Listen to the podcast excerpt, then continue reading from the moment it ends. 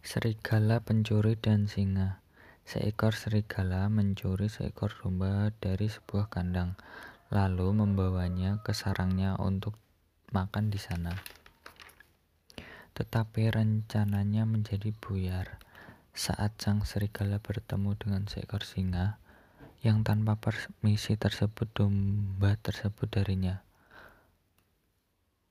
Merebut domba darinya, sang serigala menjadi takut mengambil jarak dengan sang singa, lalu berkata dengan patah-patah, Hei singa, kamu tidak berhak mengambil milik saya seperti itu.